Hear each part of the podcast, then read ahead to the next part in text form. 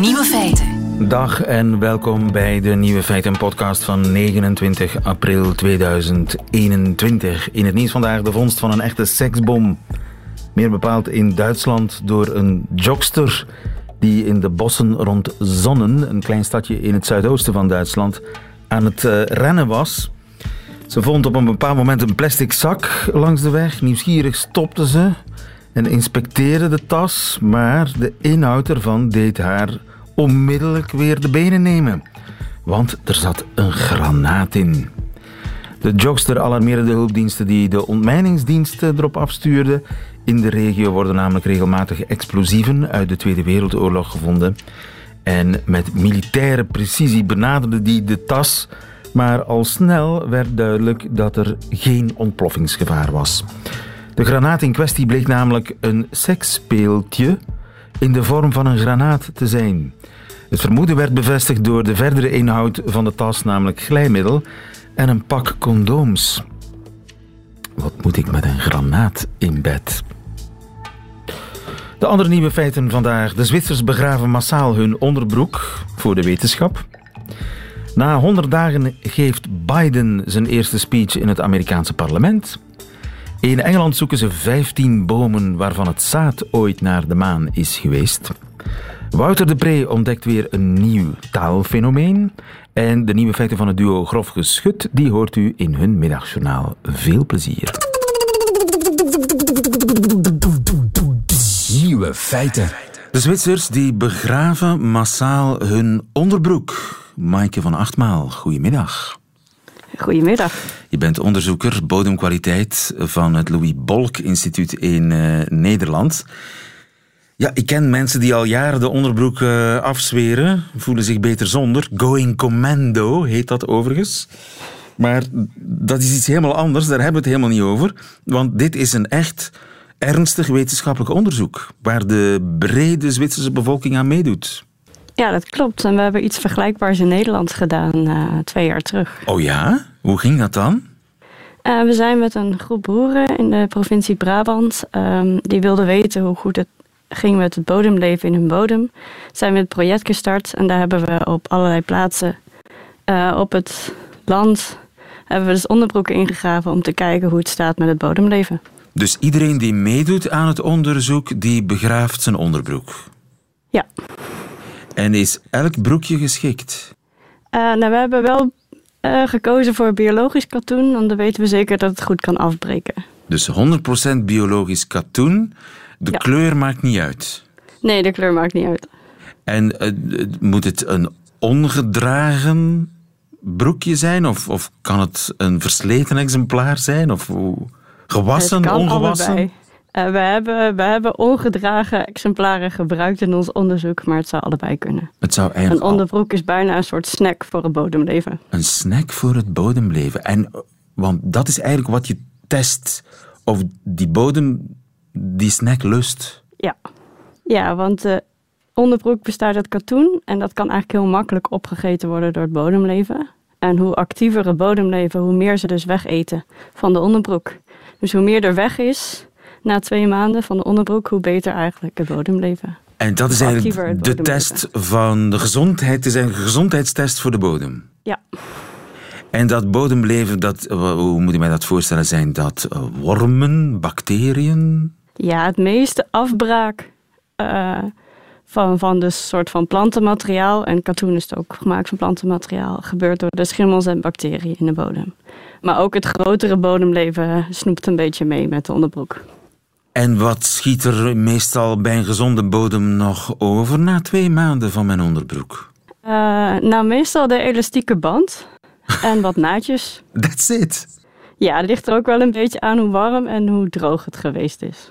Want hoe droger, hoe ja, minder bodemleven. Moet ik me dat zo voorstellen? Ja, het gaat hier om de activiteit van een bodemleven. En als het warmer is, dan is het bodemleven actiever. Maar als er weinig water is, dan, dan, nou ja, dan kunnen ze gewoon wat minder uh, afbreken. Ja, en een t-shirt, is dat ook geschikt? Ja, een t-shirt zou ook kunnen, maar een onderbroek is eigenlijk leuker. ja, wetenschap mag ook een beetje fun zijn. En dus u hebt samengewerkt met boeren en die boeren hebben massaal hun onderbroek begraven. Ja, ze hebben onderbroek begraven en daarnaast hebben we ook een andere methode gebruikt. Dat noemen we de theezakjesmethode. De theezakjesmethode, ja. Ja. Ja, ze hebben ook groene en rooibosthee ingegraven. Want groene thee bestaat uit blaadjes en is heel makkelijk afbreekbaar voor het bodemleven. En rooibosthee bestaat uit meer houtig materiaal en dat is veel moeilijker afbreekbaar. ja. Dus we kunnen ook een beetje zeggen hoe goed ze met makkelijk afbreekbare plantenresten kunnen omgaan en met wat moeilijkere. Ja, en zaten er verrassingen bij die boerenonderbroeken na twee maanden? Nou, eigenlijk de allergrootste verrassing die we hadden is dat we bijna niks meer terugvonden van de onderbroek. En dat is goed nieuws. Ja, maar we hadden het niet verwacht. Dus, het- en dat is een even goede test als een high-tech analyse van een bodem, is het ingraven van een onderbroek. Het is in ieder geval een hele beeldende onderzoek, want je ziet meteen wat er gebeurd is. Ja, en het is betrouwbaar. Ja, je kunt, je kunt heel veel zeggen over activiteit van een bodemleven, maar je kunt niet heel specifiek zeggen van welk onderdeel van het bodemleven of de bacteriën waren. Het is niet heel het- precies, het is niet een verfijnd apparaat, maar het is zo dat mocht die bodem zwaar vervuild zijn, dan was die onderbroek intact gebleven na twee maanden. Ja, Wauw. En hoe diep moet ik graven? Want ik ga zelf ook eh, graven. Hè? Eh 10 centimeter. 10 centimeter is genoeg? Ja. En na twee maanden schiet er alleen nog het elastiekje over. Zo niet, dan heb ik een bodemprobleem. Ja. Ja, ik zal wel een vlaggetje zetten waar je hem ingegraven hebt. Want eh, als er alleen nog maar elastiek overblijft, is het soms moeilijk terug. Eh, Hier rust de onderbroek van Lieven. Maaike van Achtmaal, dank voor de tip. En heel boeiend experiment. Goedemiddag.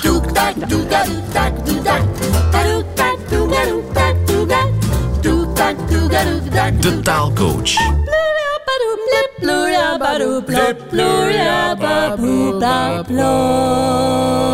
Wouter de Pre.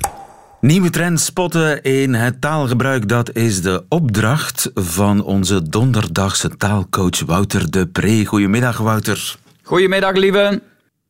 Dag, Wouter, alles in orde? Ja hoor, ja. Lieve, ik heb me deze week zitten afvragen of deze hele coronaperiode een invloed zal hebben op onze manier van spreken op lange termijn. En ik denk dat de lange termijn gevolgen misschien nu al volop bezig zijn. En over welke lange termijn gevolgen heb je het, Wouter? Ik denk dat er zeker een invloed zal zijn op het volume van spreken. Door de afstand waarop we nu staan. Hè. Ah. Ik denk dat mensen door op anderhalve meter van elkaar te moeten staan, dat je elkaar toch een beetje minder goed hoort. En ik denk als je het zou onderzoeken, dat we nu misschien al een stukje luider spreken dan voor corona. Ik- Bij sommige mensen toch al een duidelijk verschil. Volgens mij niet, hè? Ik denk het niet. En... Ik denk dat de mondmaskers ook een invloed hebben, lieve. Oké. Dat je door dat mondmasker elkaar ook een beetje minder goed hoort, want dat is toch een lap stof die je eigenlijk voor je spreekopening houdt. En dat remt de luchtverplaatsing toch, de geluidsgolven. En dan zijn mensen toch geneigd om een beetje meer volume te geven om even goed gehoord te worden. Ik denk niet dat dat dadelijk voorbij zal zijn zonder de mondmaskers. Maar onze oren zullen nogal wat te verduren krijgen. Denk even. We lopen het gevaar om in een vicieuze cirkel van doofheid te belanden. Op het moment dat de mondmaskers af mogen en dat we weer dichter bij elkaar mogen staan, als mensen dan even luid blijven praten, zal een gezelschap sneller doof worden. En zal er tegen hen nog luider moeten worden gesproken. Ja, en behalve afstand, mondmaskers, is er, is er nog iets dat een invloed zal hebben op onze manier van spreken? Dat is nu al een jaar lang dat er tegen de nieuwste lichting baby's ook heel luid wordt gesproken. Hè? Dat zal lange termijn gevolgen hebben. Die baby's zullen dan normaal vinden dat er zo luid tegen hen gesproken wordt. Die zullen denken dat er iets scheelt als je stiller tegen hen spreekt. Dat wordt een heel luide generatie. Maar dat zal nogal wat nachtlawaai geven. Ik verwacht veel nachtlawaai, maar maximum tot 12 uur. Omdat dat door de avondklok er zo ingesleten zit. En vanaf 12 denk ik dat we heel stilletjes zullen beginnen spreken. Om niet betrapt te worden door de politie. Nu, Die avondklok duurt maar tot 5 uur 's ochtends. En klokslag 5 verwacht ik dat er weer op heel heftig volume zal worden gesproken. Dus ik zeg, nachtlawaai, ja, kom terug tot 12 en vanaf 5. En dan is het toch tijd om op te staan, hè? Ja, inderdaad. En, eh, behalve dan dat luid en stil spreken, zijn er nog gevolgen van corona op onze manier van spreken, Wouter? Denk het wel. Laat ons even luisteren. Heel goede avond iedereen. Als u wil, dan kunnen we u aan een nieuwe job helpen, dames en heren. Vanavond Hilde Krevits die zoekt namelijk 14.000 nieuwe krachten voor de zorgsector. 14.000 extra jobs in de zorgsector. En gelukkig, hè, want die verzorgstertjes die doen fantastisch werk. Hè. Maar echt bravo, handjes op elkaar. Hè. Zeker voor de mensen die in de woonzorgcentra, de oude mensen met ganse hart verzorgen. Maar dat vind ik echt super hoor, wauw. En hoe positief ze ook altijd spreken tegen die oude mensen. Ja, dat, dat taalgebruikje, hè, dat betuttelende taalgebruikje, dat, dat zou ook in de ganse maatschappij kunnen doordringen en blijven doordringen. Maar lieventje, maar zo goed opgemerkt van jou. Maar je bent toch een flinke presentator, zijn vriend. Altijd alert, altijd mee. Jij zult rap een slim manneke zijn, hoor, lieventje. Ik zeg, je spreekt vandaag ook weer zo goed in uw microotje. En goed hoor, en jij articuleert zo flink. Je trekt je mondje zo goed open, maar flink, zijn vriend. Heb je lekker geslapen vannacht? Waren de bokens lekker vanochtend, lieventje? Ik weet zeker dat je de korstjes flink hebt opgegeten, hè, lieventje? Hé? Ja, ja, ja, ja, Wouter. Ja. Maar eh, heb je dus opgegeten, maar dat is een dikke duim voor je vriend. En je al een keer goed naar de wc kunnen gaan vanochtend? Ja. En vannacht, lieventje, zijt je een flinke jongen geweest of een stoute jongen? Je hebt toch niet van poepie pop gedaan, hè? Maar dat mag ze, lieventje. Je kunt er maar deugd van hebben, hè, zeg. Maar ik wou zo graag weten of er nog een laatste invloed is van corona op onze taalgebruik. Dus we hadden al betuttelend praten, luider praten. No, eh, dat, Ja. dat zal het dan toch wel zoiets zijn, dus ongeveer zijn. Ik denk dat er nog een groot gevolg zal zijn. Je hoort toch ook vaker en vaker op het nieuws dat waarschijnlijk mede door corona bij mensen de stoppen doorslaan. Hè. En dan naar de supermarkt, want in Sint Agatha Berchem heeft het personeel van eh, supermarktketen Carrefour het werk neergelegd vandaag. Een klant in de winkel was agressief geweest tegen een van de medewerkers. Er zijn de afgelopen weken wel meer incidenten geweest. Aha, coronataal is ook harde taal. De agressie neemt toe. Hoor jij daar soms iets van op straat? Ja, dat weet ik ook allemaal niet, hè, vriend. Informeer u zelf ook een keer een beetje. Het is niet omdat jij vroegtijdig dementeert dat ik voor u alles ga opzoeken, ze makker. Jij gaat uw loon op het einde van de maand ook niet met mij delen, denk ik, hè. Doe ook een keer iets en wees blij dat je nog op de radio moogt. Het is ook maar omdat het alleen klank is, hè, dat we niet op uw kop moeten zitten kijken. Alright, ehm, kort lontje, dus dat verwacht Kort je. lontje, kort lontje, wat bedoelde? Dat ik een kort lontje heb, is dat wat je bedoelt? zeg het dan in mijn gezicht, hè, vriend. Met al uw achterbaks insinuaties. Kort lontje. Hebt jij uw eigen lontje al een keer bekeken? Steekt uw lontje waar dat licht niet schijnt. Ik ben weg, maakt uw programma zelf. Oké, Wouter. eh, tot volgende week dan maar. Wouter? Hallo? Oei. Ik geloof dat eh, Wouter de verbinding verbroken heeft. Goed, eh, dat, dat waren dus de taaltips van onze taalcoach. Volgende week misschien terug. Nieuwe feiten. Gisteravond sprak president Biden voor het eerst het parlement toe. Madam Speaker, Madam Vice President. No president has ever said those words from this podium. No president has ever said those words. And it's about time. It's about time, Madam Speaker, Madam eh, Vice President Joe Biden gisteravond in het Amerikaanse parlement op zijn honderdste dag als president. Michiel Vos, goedemiddag. Goedemiddag, lieven. Je hebt natuurlijk ademloos zitten kijken naar de speech.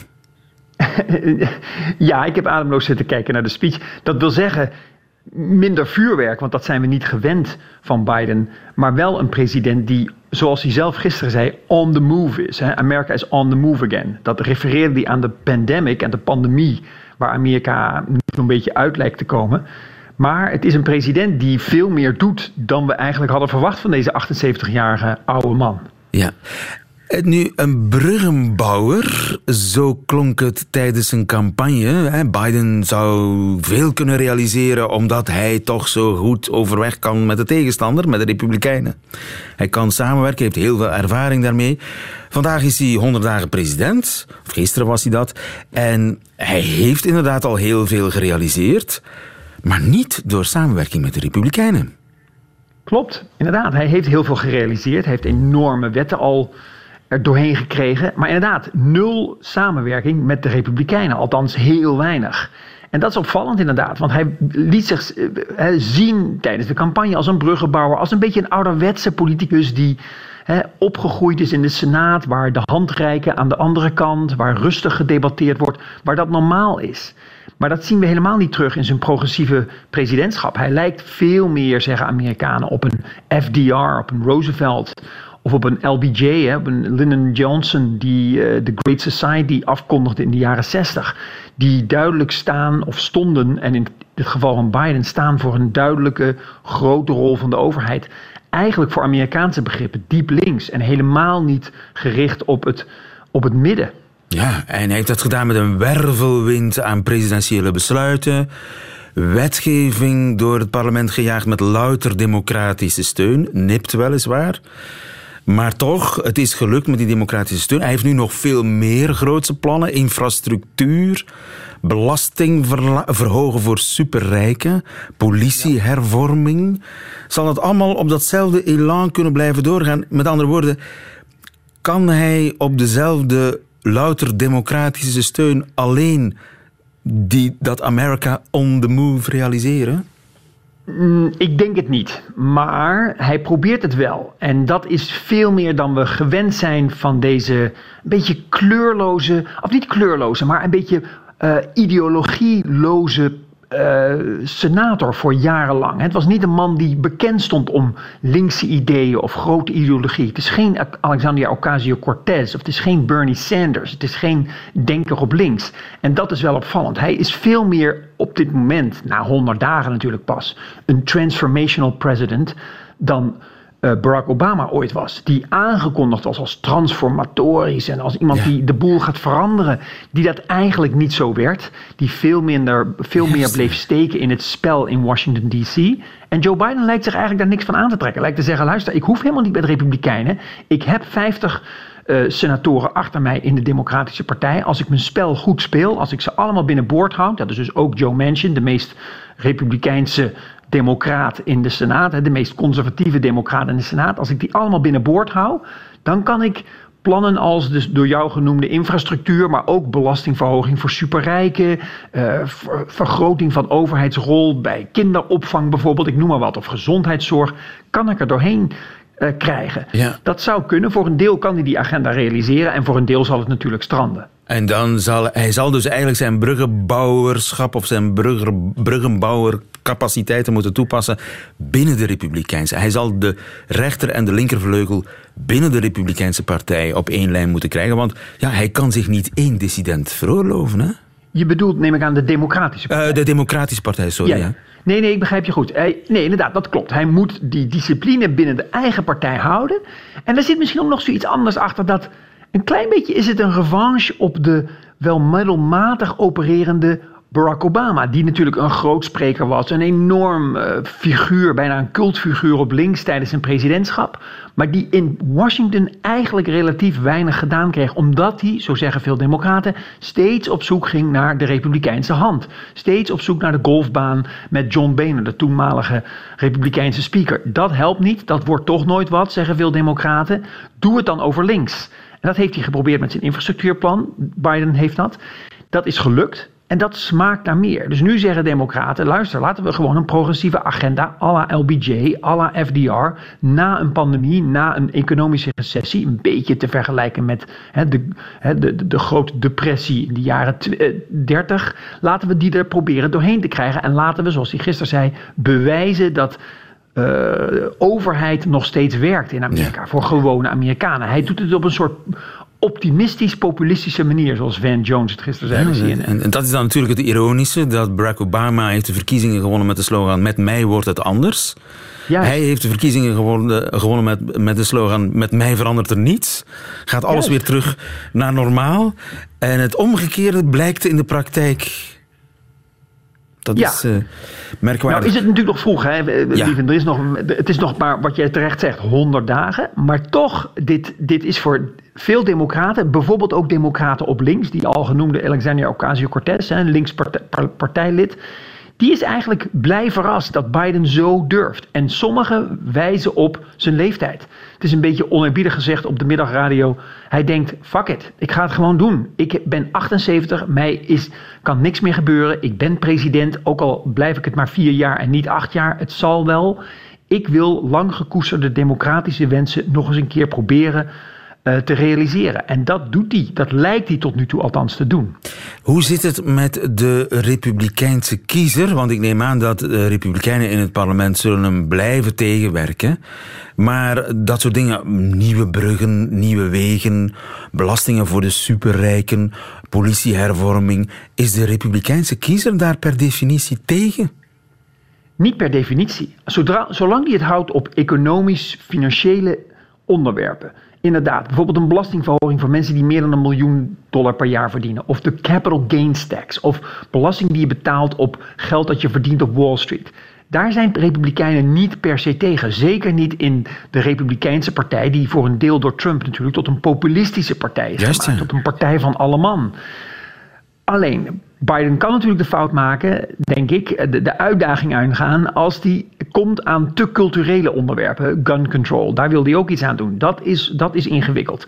Controle op de politie, dat ligt gevoelig. Dat zijn onderwerpen waar hij, denk ik, op wellicht kleinere onderwerpen, die niet financieel-economisch heel groot zijn, maar die toch heel pregnant zijn in Amerika, daar zou die veel steun bij, laten we zeggen, gematigde republikeinen kunnen verliezen. En dan zou die over een anderhalf jaar in de, hè, in de midterms, in de congressionele midtermverkiezingen, al een verlies kunnen leiden. En dat kan hij zich niet permitteren, dat kan hij zich niet veroorloven, want dan kan hij niks meer gedaan krijgen. Hè. Zijn meerderheid in het Huis en in de Senaat die hij heeft, is heel klein, minim op beide vlakken. Dus die heeft hij nodig om zijn progressieve agenda, want dat moet je het gewoon noemen. Het is een soort progressive era, een nieuw progressive era in Amerika op dit moment, om die er doorheen te krijgen. Dus daar moet hij nog eh, heel voorzichtig sturen. Nu, tot slot, 100 eh, dagen Biden. Als je hem nu een score zou moeten geven op 10 als president. Ik denk gewoon een 8,5. Ook de rust die hij uitstraalt. De enorme rust. Soms zien we hem dagenlang niet. Hij praat op fluistertoon. Hij bemoeit zich niet met talkshows waar hij opeens inbelt en gaat gillen over allerlei onderwerpen die niks met het presidentschap te maken heeft. Hij zegt niet dat zijn enige vriend in het buitenland eigenlijk Kim Jong-un is. Dat is allemaal heel verfrissend. Dat is natuurlijk deels persoonlijk. Ik weet dat er veel mensen zijn die de vorige president aanhielden. Maar de rust die over dit land is gekomen vanuit Washington is opmerkelijk. Ja, en benieuwd of de gemiddelde Amerikaan dat ook vindt en dat zal blijven vinden. Hou ons op de hoogte. Michiel Vos in New York, dankjewel.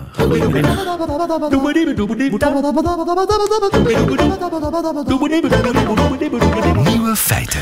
In Engeland is een zoektocht gestart naar 15 bomen die ooit nog op de maan zijn geweest. Het is te zeggen. De zaden waaruit die bomen zijn gegroeid, zijn ooit op de maan geweest. Goedemiddag, Koen Geukens. Goedemiddag. Je bent educatief medewerker van de Volkssterrenwacht Urania.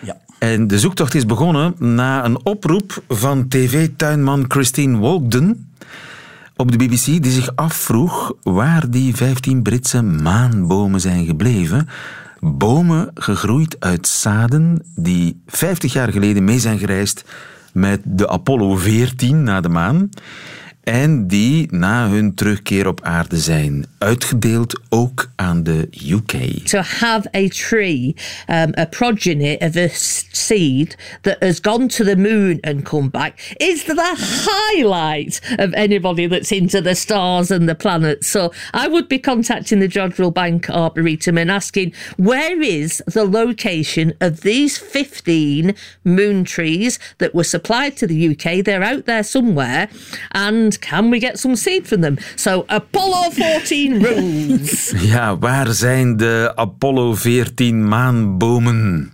De 15 Apollo 14 maanbomen, om helemaal precies te zijn. TV-tuinier Christine Wogden uh, op BBC Radio 4. Uh, eh, weet jij het, Koen, waar die maanbomen zijn? Nee, spijtig genoeg niet. Nee. en om welke bomen gaat het? Zijn het uh, wilgen, eiken, sparren? Wel, het, het zou om vijf uh, soorten van bomen gaan. Ik heb even de vertalingen opgezocht. Het zou gaan op de lop, lolliden, de plataan, een amberboom, de sequoia en een Douglas spar. Maar waarom hebben wij die zaden naar de maan gestuurd? Wel, het is in elk geval niet op initiatief van de NASA zelf geweest. De zaden zaten in de persoonlijke bagage van Stuart Rosa. Het is zo dat elke astronaut, als hij de ruimte ingaat, mag een aantal dingen in zijn persoonlijke bagage meenemen. En hij heeft vroeger gewerkt voor um, het Amerikaanse bosbeheer, het Amerikaanse Forest Service. Hij was daar een soort van, uh, wat ze noemen in het Engels, een smoke jumper, een rookspringer. Dus als men vermoedde dat er ergens een brandje was, als men rook zag, moest hij gaan kijken door uit een vliegtuig te springen in, in het bos of in het woud te gaan kijken of er effectief brand was of niet. Dus het was een best een, gevaarlijke job, want als er effectief een brand was... ja, avontuurlijk type, en, dat, dat is duidelijk. Ja, inderdaad. En omdat ze dus elkaar kenden, hadden ze hem gevraagd of hij het zag zitten om een 4 tot 500 zaadjes mee de ruimte in te nemen op weg naar de maan. Hij zal het ongetwijfeld wel kort gesloten hebben met NASA, dat dat allemaal geen gevaar met zich meebracht voor de vlucht en zo verder enzovoorts. En die zijn dus inderdaad in uh, februari 71 mee naar de maan gevlogen. Ze zijn niet op de maan geweest, want uh, Apollo vloog met drie astronauten en twee van die drie zouden dus effectief naar de maan afdalen en een andere moest dus achterblijven in de command module, bleef dus rondjes maken rond de maan. En Stuart Rosa was de command module pilot, dus hij bleef rond de maan draaien. Dus hij is eigenlijk niet met zijn zaden op de maan geweest. Hij is in de capsule blijven zitten die rond de maan rondjes draaide. Ja. ja. Dat wel spijtig. Ja en nee, in zekere zin. natuurlijk, het, het, idee dat ze dan op de maan geland hebben, uh, dat is dan natuurlijk iets extra. Maar ik denk dat het in zekere zin interessanter geweest is dat ze effectief niet op de maan geweest zijn. Oh. Omdat ze door rond de maan te draaien, zijn ze min of meer in gewichtloze toestand gebleven. Door op de maan terecht te komen, hebben ze terug last gehad, tussen aanhalingstekens dan, last gehad van zwaartekracht. Als je een beetje wil weten wat die zaadjes, hoe dat zij in, na de ruimte eigenlijk uh, zich gedragen, wat er van verder gaat komen. En als je dus langere tijd gewichtloos geweest bent, dan lijkt me dat interessanter. Als, je even, als, je mee, als die zaadjes mee naar het maanoppervlak gegaan zijn, dan hebben ze een aantal dagen zijt veel minder, maar ze hebben wel zwaartekracht ondervonden. Dus in zekere zin stoort dat het experiment. En dat is ook wetenschappelijk opgevolgd. Er is echt onderzocht of die zaden zich anders dan anders gedroegen bij terugkeer op aarde. Wel, er is sowieso een probleempje mee geweest. In die tijd, uh, Apollo 14, toen dat de eerste astronauten op de maan hebben rondgewandeld met Apollo 11, moesten die in quarantaine komen als ze terug op aarde kwamen. Om zeker te zijn dat er geen beestjes waren op de maan die meegereisd zijn, om te zien dat er uh, geen, geen vreselijke dingen van de maan zouden geïmporteerd worden. En we weten allemaal wat virussen kunnen doen tegenwoordig. En dus die moesten een tijdje in quarantaine gaan. Dat is ook zo bij Apollo 12 geweest en ook bij Apollo 14. Apollo 14 was de laatste die in quarantaine moest gaan. En al hetgeen dat van de maan terugkwam, moest dus onderzocht worden of dat ze niet gecontamineerd worden. Ook die zaadjes. Nu, daar is het fout gelopen bij, uh, in het labo waar dat die dingen behandeld werden. Dat pakje is gescheurd en dat wordt dan in een beschermde atmosfeer en zo gedaan. En men vermoedde dat de zaadjes beschadigd waren. Nu, de mensen van de Forest Service, die hebben ze dan toch geplant en tot misschien een ieders verbazing met hetgeen dat allemaal had meegemaakt, zijn dus wat al die zaadjes uitgekomen. Ja, ja. Maar voor het wetenschappelijke experiment waren ze niet meer bruikbaar omdat de zaadjes gescheurd, die zakjes waren gescheurd. Dus dat is eigenlijk gewoon overal ter wereld een beetje terechtgekomen, want er zijn dus kennelijk 15 zaadjes in Engeland terechtgekomen. Ja, het zijn niet, voor zover ik het begrepen heb, niet de zaadjes die in Engeland zijn terechtgekomen. Aha. Het is zo, dus de zaadjes werden door de mensen van Forest Service dan op verschillende plaatsen bij hun uh, gezaaid. En die boompjes kwamen dus allemaal uit. En dan uh, in 75 en 76, dus een vier, vijf jaar na uh, de vlucht, uh, 76 was ook de 200ste verjaardag van de Verenigde Staten. Er zijn dus heel veel van die jonge boompjes verspreid geweest over de Verenigde Staten. Niet over alle staten, omdat je ook... Uh, je hebt ook natuurlijk een groot klimaatverschil tussen noordelijke staten en zuidelijke staten. staten en dus die boompjes werden enkel in naar die plaatsen uh, geschonken waar ze dus een kans hadden om verder te leven. Dat is waarschijnlijk ook de reden dat er niet veel van die boompjes in het buitenland zijn terechtgekomen. Ze zijn wel weggegeven blijkbaar als cadeau aan Brazilië, Zwitserland en Japan, maar ik heb niet direct verder iets teruggevonden over het feit dat er ook in Engeland zijn Aha. terechtgekomen. En over België ook geen woord? Nee. Er staan geen maanbomen op onze bodem. En, en dus zelfs dat er 15 maanbomen in het Verenigd Koninkrijk zouden staan, zelfs dat is zeer twijfelachtig. Ja, dat weet ik dus niet of het uh, gebeurd is. Het is ook zo, het zijn allemaal dingen van 50 jaar geleden. Ja. Uh, de mensen die daarbij betrokken zijn, ja, misschien leven die ook niet meer. Dus het is allemaal moeilijk om daar nog iets van terug te vinden. Ja, het wordt, een, het wordt nog een spannende zoektocht. Die uh, Britse tuin presentator, tv-tuinvrouw, die riep op het Joddle Bank Arboretum in te schakelen. Dus misschien dat daar nog uh, iets uitkomt. Maar het zou hoe dan ook toch ja, voor, voor bomen- en plantenliefhebbers met een zekere zwak voor de ruimte zou het toch wel mooi zijn om te weten, ja, mijn spar die is gegroeid uit een zaadje van een boom uh, of van een, is een afstammeling van een boom die nog rond de maan heeft gecirkeld. Dat is inderdaad uh, een, een, leuk, een leuk idee, inderdaad, ja. Er zijn bijvoorbeeld ook wel bomen van de tweede of misschien zelfs derde generatie, die dus met zaadjes van maanbomen, maar ja, hoe ver kan je dan inderdaad nog gaan om het nog speciaal te houden? Dat, uh, en ik weet bijvoorbeeld, er zijn, ik, ik ken iemand hier in België, en die heeft al pogingen ondernomen om zo zaadjes van een maanboom te pakken te krijgen. Aha. Dat die ondertussen nog niet in geslaagd is. Uh, omdat hij een beetje contact verloren heeft blijkbaar met die persoon in kwestie. Maar goed, er, er zijn wel mensen die dat proberen om toch uh, op die manier hier uh, iets in België ja. te krijgen. En is dat de enige ruimtemissie met zaden aan boord, Apollo 14? Nee.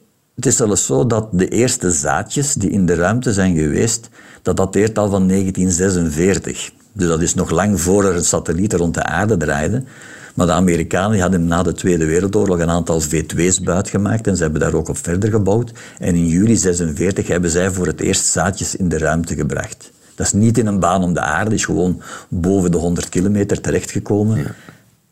En ja, gewoon om te zien van, kijk, wat doet straling met die zaadjes, of dat die dus nog bruikbaar waren of niet. En uh, de meeste bomen zijn gewoon beginnen groeien terug op aarde. Als er iemand zo'n maanboom uh, in zijn tuin heeft staan of weet waar zo'n maanboom zou kunnen staan, dan uh, kan die altijd contact zoeken met nieuwe feiten. Het lijkt wel mooi, het lijkt, zou een mooi idee zijn om bij te dragen aan de oplossing van dit mysterie. Koen Geukens, dankjewel. Goedemiddag. Graag gedaan. Dat waren ze, de nieuwe feiten van 29 april 2021. Alleen nog die van Mirte en Lander krijgt u het duo Grof Geschut in het Middagjournaal. Nieuwe feiten. Middagjournaal. Beste luisteraar. Ik heb een manier gevonden om deze dagen zonder afleiding wat minder lang te laten duren. Ik kan er een hele intro aan breien. Een heel verhaal aan hangen over artikels over eenzaamheid bij jongeren in coronatijd. En zo hetgeen ik u vanmiddag wil vertellen relevant maken. Doordat Kijk, ik zat gewoon rustig op de bank met mijn vriend. En ineens Lander weer aan de telefoon. Ja, uh, Mirten, ik moet u iets vertellen. Ja, ik belde om te zeggen... Ja, hij belde om te zeggen... Ik, ik heb Bumble geïnstalleerd. geïnstalleerd. Een dating-app dus. Hij belde me om te zeggen dat hij een dating-app had geïnstalleerd. Ja, nee, dus Bumble is niet zomaar een dating-app. Het is een app die de macht bij de vrouw legt. Eigenlijk de woke Tinder, of de feministisch verantwoorde versie van Tinder. Wanneer je een match hebt met iemand... Wanneer je dus allebei hebt gezegd, nou, daar zou ik het wel op kunnen. Nee, bij Bumble is het niet alleen maar een vleeskeuring, maar ook met dat je vragen moet beantwoorden over je grootste dromen en je muziekstijl. En jij gaat mij vertellen dat je daar als eerste naar kijkt. Haar interessegebied. Niet naar haar foto's van de zomer in bikini. In ieder geval, als je dat dus hebt gedaan, dan krijgt de vrouw 24 uur de tijd om als eerste iets te zeggen. Als ze dat niet doet, verdwijnt ze voorgoed uit uw leven. Als je je telefoon kwijt bent, heb je dus een probleem. Ja, jij zou een behoorlijk probleem hebben steeds. Als man krijg je dus bij Bumble soms, althans, dat had ik dan vanochtend, een streling van je ego doordat je een aantal matchen hebt. Maar dan moeten ze wel beginnen te praten. En dat doen ze niet echt, hè? Momenteel. Lander. Nee, dat doen ze voorlopig nog niet echt. Ik zie nu bijvoorbeeld dat Laura nog 17 uur en 18 minuten heeft om te reageren. Anders is de match voor altijd verdwenen.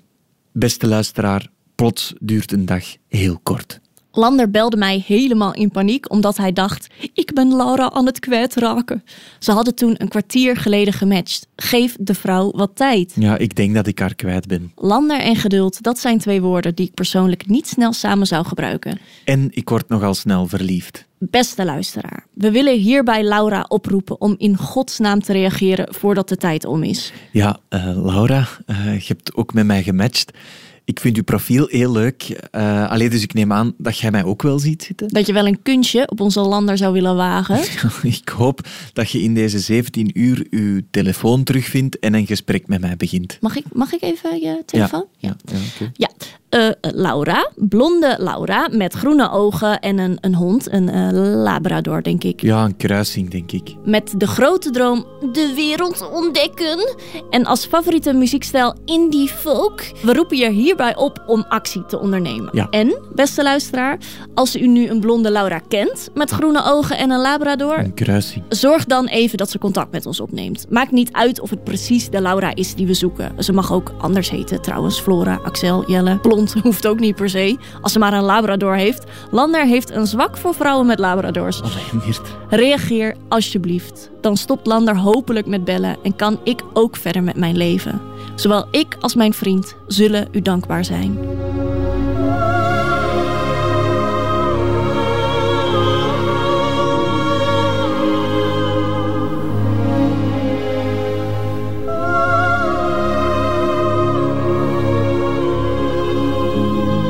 Grof geschud in het middagjournaal. Einde van deze podcast hoort u liever de volledige nieuwe feiten. Dat wil zeggen met de muziek erbij. Dat kan natuurlijk ook via radio1.be of via de Radio 1 app, waar overigens nog veel meer podcasts te vinden zijn. Tot een volgende keer.